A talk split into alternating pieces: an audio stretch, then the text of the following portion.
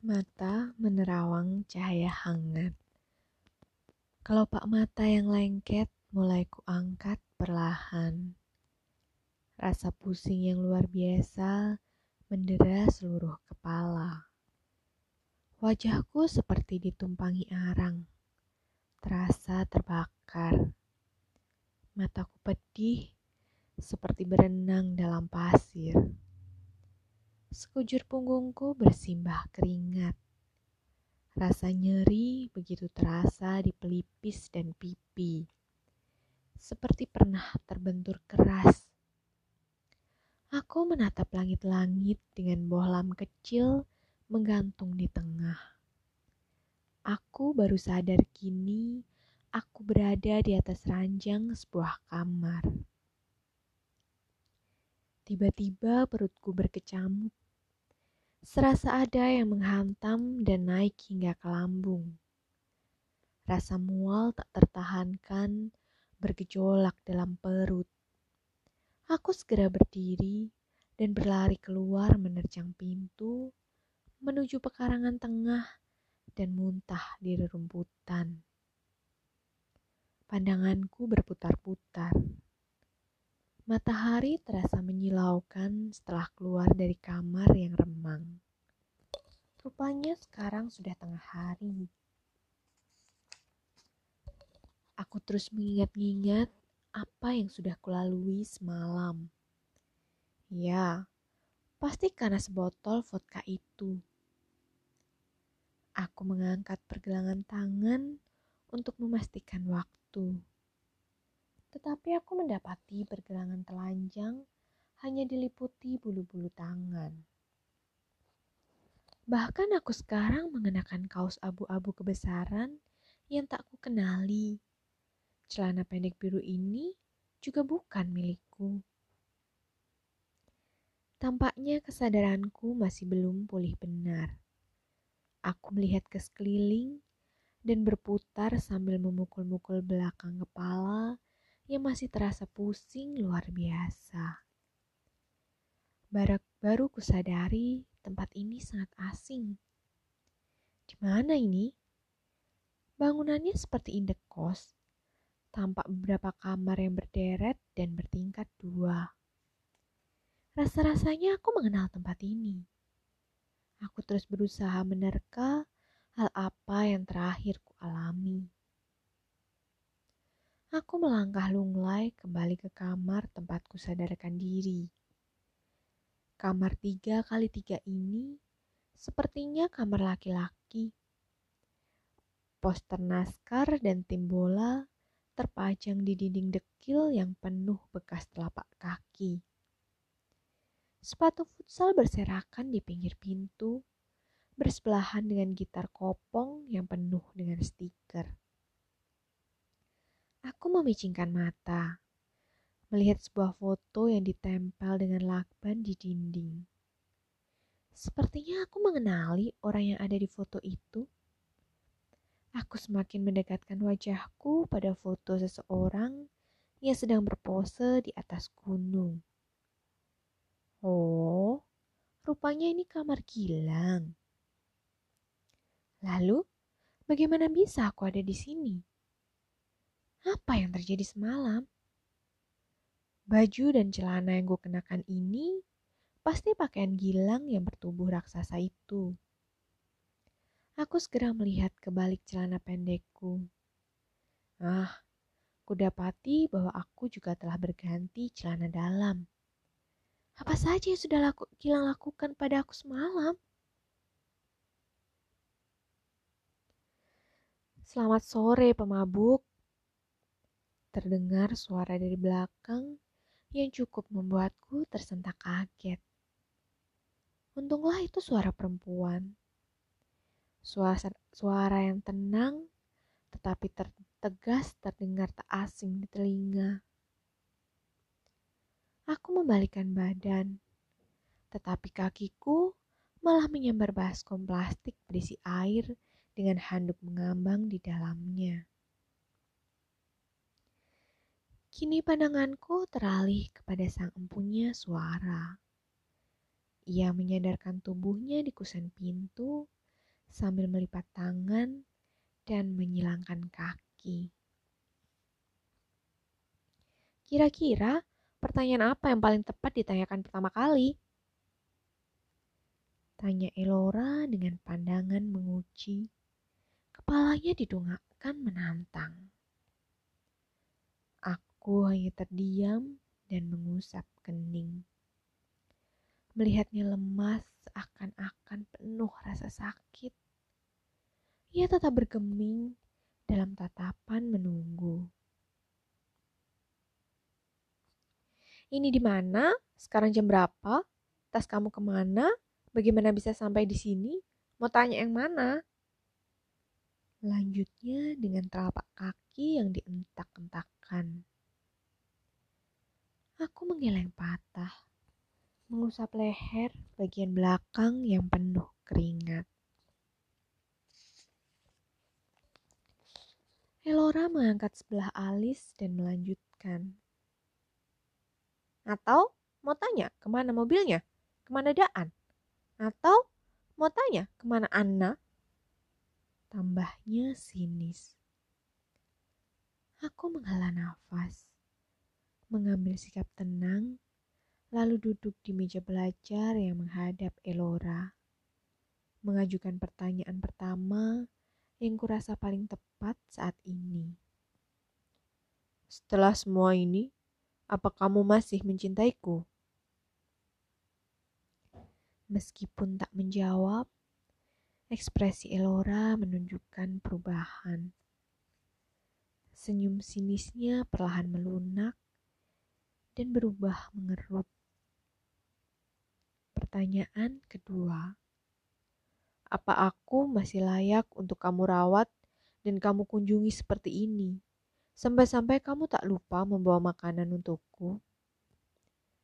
Ujarku dengan mata yang tertuju pada tas plastik bening yang tampaknya berisi bungkusan nasi, lengkap dengan tisu dan sendok plastiknya.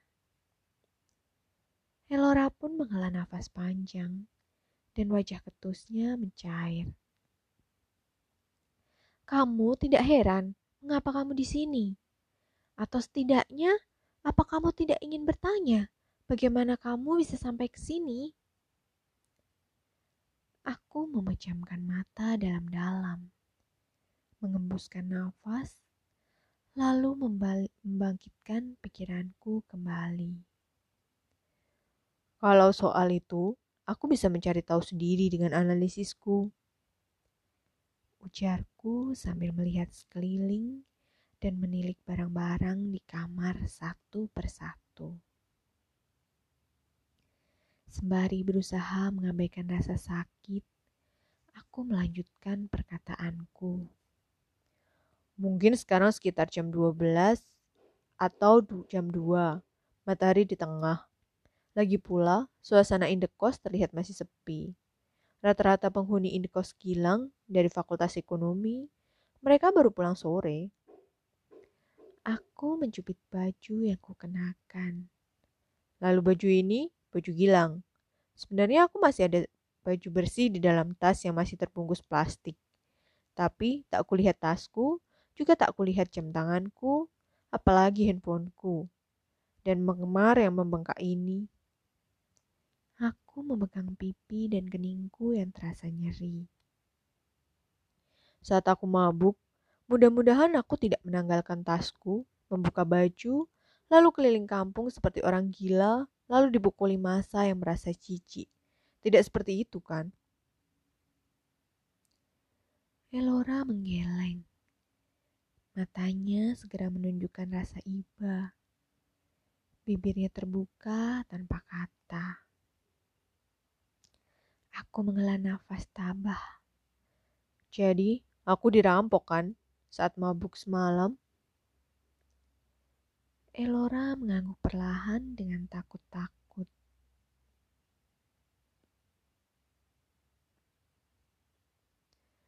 Kamu mengenakan kamu mengenakan baju yang sama dengan kemarin saat ke rumahku. Kamu tidak pulang, terus menungguku di sini. Dan Gilang, temanku yang kamu kenal, tinggal di indekos yang menerima tamu hingga tengah malam. Indekos ini juga jauh dari tempat kejadian terakhir. Itu tanda bahwa kamulah orang yang membawaku ke sini. Lalu kompres di baskom. Tanda keseriusanmu merawatku. Lalu ada bungkusan nasi yang belum terbuka di meja. Bungkusan yang satu sudah habis dimakan. Nasi yang habis dimakan pasti punya gilang yang juga kamu beli untuknya. Jika nasi bungkus itu milikmu, pasti bekasnya sudah kamu buang ke tempat sampah, seperti kebiasaanmu yang bersih. Aku menarik napas jeda, lalu melanjutkan analisisku. Bungkusan nasi yang belum terbuka seharusnya untukku tadi pagi. Hanya aku belum bangun tadi pagi dan tas kresek yang menggantung di tangan kananmu itu, kamu membawa nasi lagi. Karena kamu selalu menyediakan makanan yang masih fresh untukku. Sepertinya kejadiannya sudah jelas. Dan yang terpenting cara kamu menyayangiku. Lebih jelas. Visum barusan membuatku hampir kehabisan nafas. Mantan pacarku memang pintar. Rupanya vodka hanya membuatmu bodoh sesaat ucap Elora dengan senyum meledek. Aku mengangkat sebelah alis, sedikit syok dengan julukan baruku, mantan. Soal fakta dan asumsi, bisa ku terka-terka sendiri. Tapi kalau soal perasaanmu, hanya kamu yang tahu. Sebab itu, aku tadi hanya bertanya soal perasaanmu. Lantas, jika aku sudah mantan, Kenapa aku masih layak menerima semua ini? Karena kasih. Aku mengangkat sebelah alis, menunggu kelanjutan kata-katanya yang menggantung. Han lanjutnya. Oh, Elora melangkah mendekatiku yang masih duduk di samping meja belajar. Dengan tangan yang terbuka, ia menghampiriku. Kedua tangannya terentang di hadapanku. Peluk? Tanyaku setengah meminta. Tangannya yang merentang itu melayang, menampar pipiku pelan. Ini untuk semua kebohonganmu.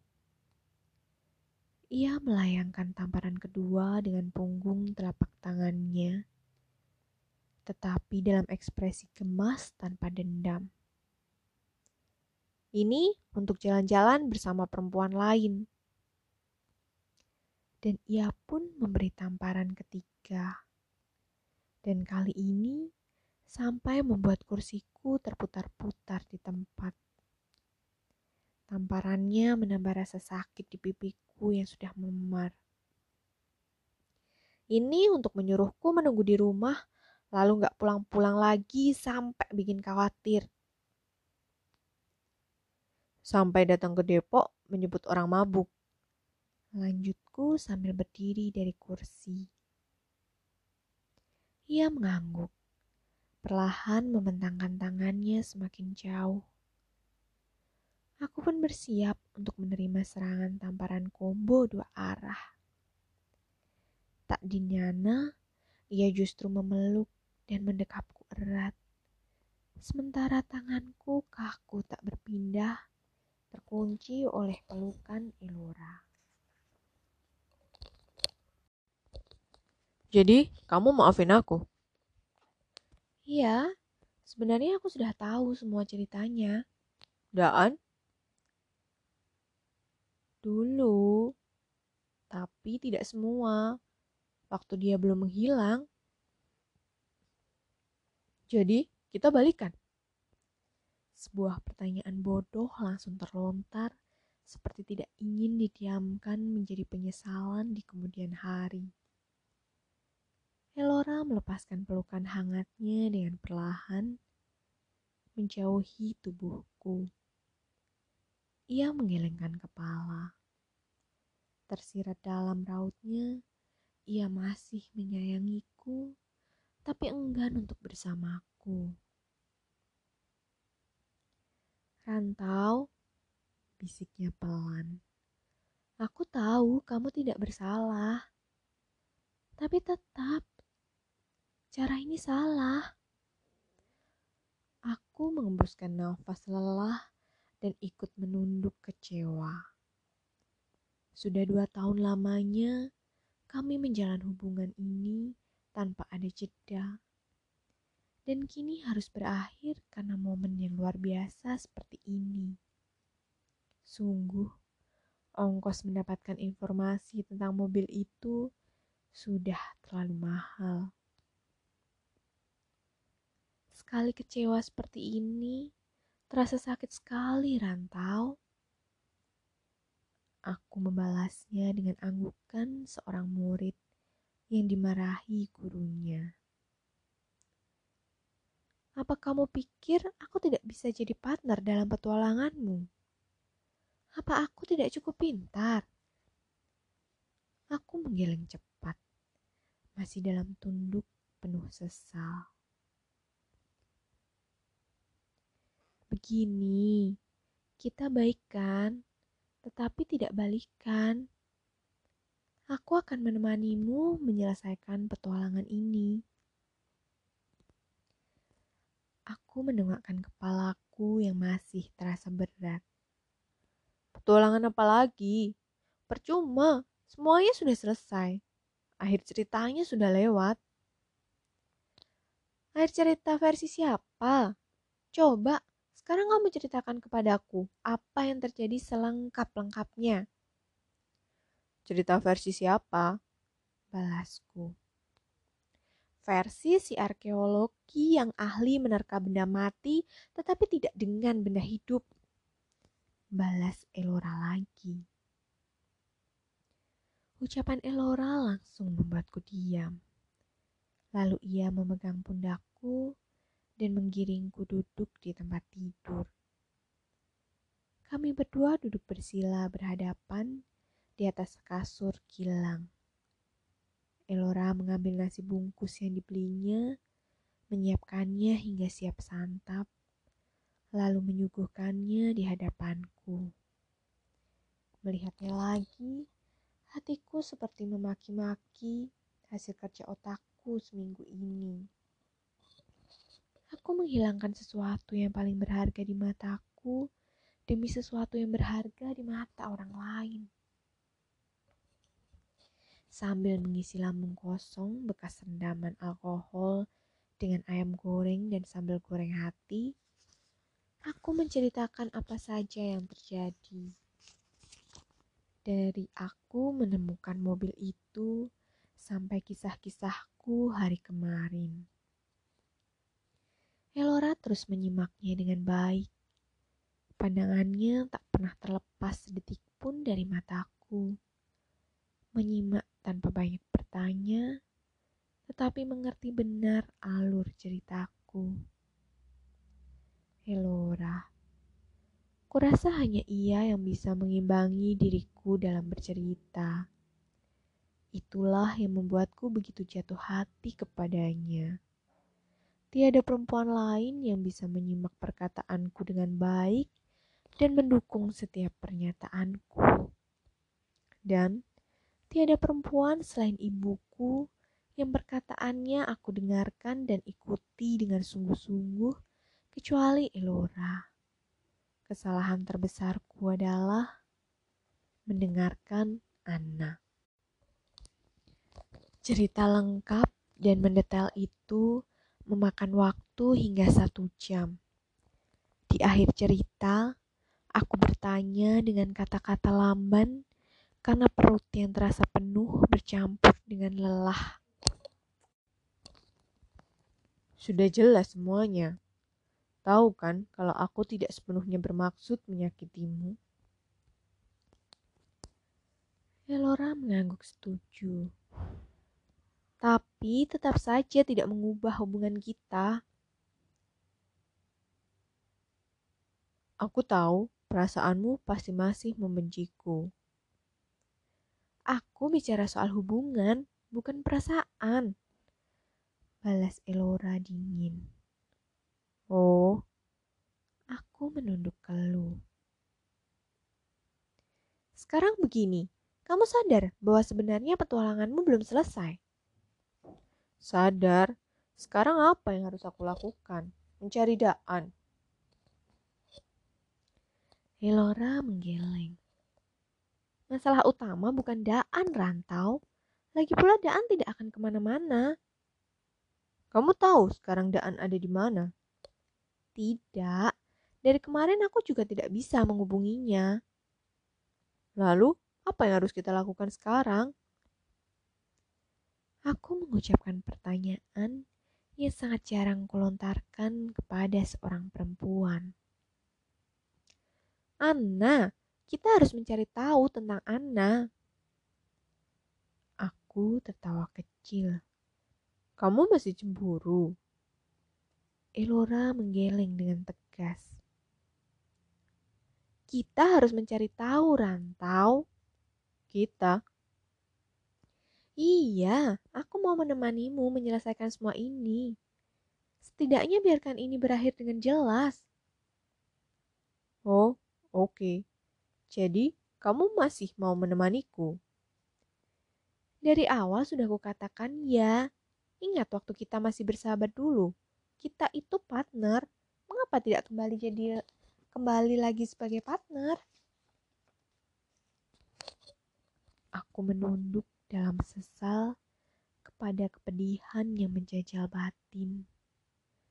Elora menatapku sambil mendekatkan tubuhnya. Lalu, dengan jemarinya, ia mengangkat daguku agar tak lagi menunduk dalam sendu. Jadi, sekarang kita mencari kebenaran dulu ya, Rantau. Kamu yakin? Tidak akan tahu jika tidak mencoba. Lalu, kalau sudah jelas semuanya, kita bisa balikan. Tanyaku penuh harap. Ia menghela nafas. Sudah kubilang tidak, meskipun kamu tidak bersalah. Kamu masih sayang aku? Tidak. Apa? Demi apa? Demi kebaikan kita. Setengah lima sore, setelah berterima kasih kepada Gilang dengan imbalan sebungkus nasi, aku dan Elora menuju indekos Daan untuk mengambil kembali motorku yang masih terparkir di sana dari tadi malam. Aku masih bersyukur kunci motorku masih ada padaku. Motorku juga masih terparkir di sana. Perampok kemarin mengambil tasku, berikut seluruh isinya, handphone dan dompetku. Sementara kunci motorku yang tanpa gantungan kuselipkan di tempat koin celana jinku. Jin yang kutanya masih melek. Jin yang katanya masih melekat dekil denganku saat jasadku ditemukan di dekat kebun singkong. Namun yang masih kusesali, SIM, STNK, Bahkan paspor berikut semua identitas berharga aku lenyap bersama dompet itu. Setibanya di tempat indekos Daan, aku iseng naik ke atas menuju kamar Daan. Sementara Elora menunggu di bawah. Aku mendapati keadaan kamar Daan masih sama persis seperti kemarin. Tampaknya ia tidak akan kembali lagi ke sini. Dengan perasaan kecewa, aku kembali ke motor dan pulang bersama Elora. Rantau, panggil Elora dengan lantang dari belakang. Suaranya berebut tempat dengan suara motor yang datang menuju ke telingaku. Ya, Jawabku sambil sedikit menoleh ke belakang. Langsung saja ke rumah Ana sekarang. Aku menggeleng bersama helm yang berat. Kamu tidak penasaran ke mana dia? Kenapa dia meninggalkanmu? Ini sindiran. Bukan rantau. Artinya petualangan ini belum selesai. Teriak Elora lantang. Ya, paling-paling dia marah karena mobilnya aku hilangkan. Hei, lihat aku rantau. Aku begitu marah kepadamu. Tapi aku, apa aku meninggalkanmu tiba-tiba? Wajar, karena kamu ada rasa kepada aku, Elora. Sedangkan Ana tidak. Apa ada perempuan tanpa rasa yang mau diajak jalan? Bahkan mengajak jalan seorang laki-laki. Ingat, aku juga perempuan, Rantau. Jika aku pikir kembali, perkataan Elora ada benarnya. Aku pun sebenarnya sangat penasaran ke mana perginya Ana setelah perjalanan kami ke Hong Kong kemarin. Hanya Rasanya aneh jika aku mencari Ana bersama Elora. Tapi, bagaimanapun juga, Elora adalah rekan terbaik yang pernah kumiliki. Pukul setengah enam. Kegelapan malam sudah menyelimuti kawasan Wijaya. Lampu-lampu rumah mulai dinyalakan.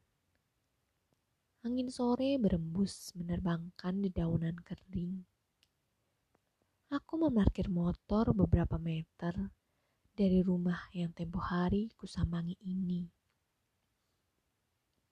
Ayo, ajakku sambil turun dari motor. Elora menggeleng. Ada apa? Masih cemburu? Sudah berapa kali kamu menanyakan itu, Rantau? Bukan soal itu. Kamu tidak boleh terlihat bersamaku supaya dia tidak cemburu. Elora mendengus kesal. Rantau, kurasa kamu akan ditolak. Ditolak karena dia masih kesal. Bukan, lihat saja nanti. Yakin nih tidak mau ikut. Kalau aku ikut denganmu, aku tidak akan bisa mencoba cara lain. Partner itu tidak harus selalu di jalan yang sama, tapi tujuannya yang harus sama meski melalui cara yang berbeda. Aku diam membeku beberapa menit setelah mendengarkan kata-kata Elora. Kugantungkan helm di stang motor. Aku mengangguk mohon restu dan segera melangkah menuju gerbang rumah Ana yang terasa familiar ini. Lagi-lagi, aku bertemu satpam yang biasanya selalu menyapaku setiap datang kemari. Hai mas, sapaku so akrab sambil melambaikan tangan dan masuk ke dalam rumah seperti biasa. Namun, bukan lagi senyum sapa yang menyambut kedatanganku. Berwajah angkuh, ia meninggalkan tempat duduknya, lalu menghadangku dengan tangannya yang legam dan penuh bulu itu. Maaf, Anda sudah tidak boleh masuk ke sini. Rupanya tebakan Elora benar. Loh, kenapa mas? Pokoknya itu pesan ibu. Aku melirik tukang kebun yang pernah menyambutku waktu itu. Ia melihatku dan kami saling bertatapan dari jauh. Satpam itu menyadari kontak mata kami. Tukang kebun itu langsung membuang muka, berpura-pura melanjutkan pekerjaannya, membersihkan alang-alang di halaman depan. Tinggal aku dan satpam itu yang bertatapan dingin. Pandangan kami saling mengunci seiring aku berjalan menjauh dari rumah itu. Mengapa Anda sampai begitu? Semarah itukah dia? Aku berbalik dan berjalan lesu menuju motor untuk menghampiri Elora. Ia tampak mengamati rumah dari dekat motor. Kamu benar, Ra. Tuh, kan? Lalu, sekarang apa? Jangan sekarang, kita tunggu besok ya. Sekarang mendingan kita pulang. Kami berdua bergegas pergi dari tempat ini menuju ke arah pecanten untuk mengantarkan Elora pulang ke rumahnya. Tidak ada obrolan dalam perjalanan kami. Elora diam dalam pikirannya.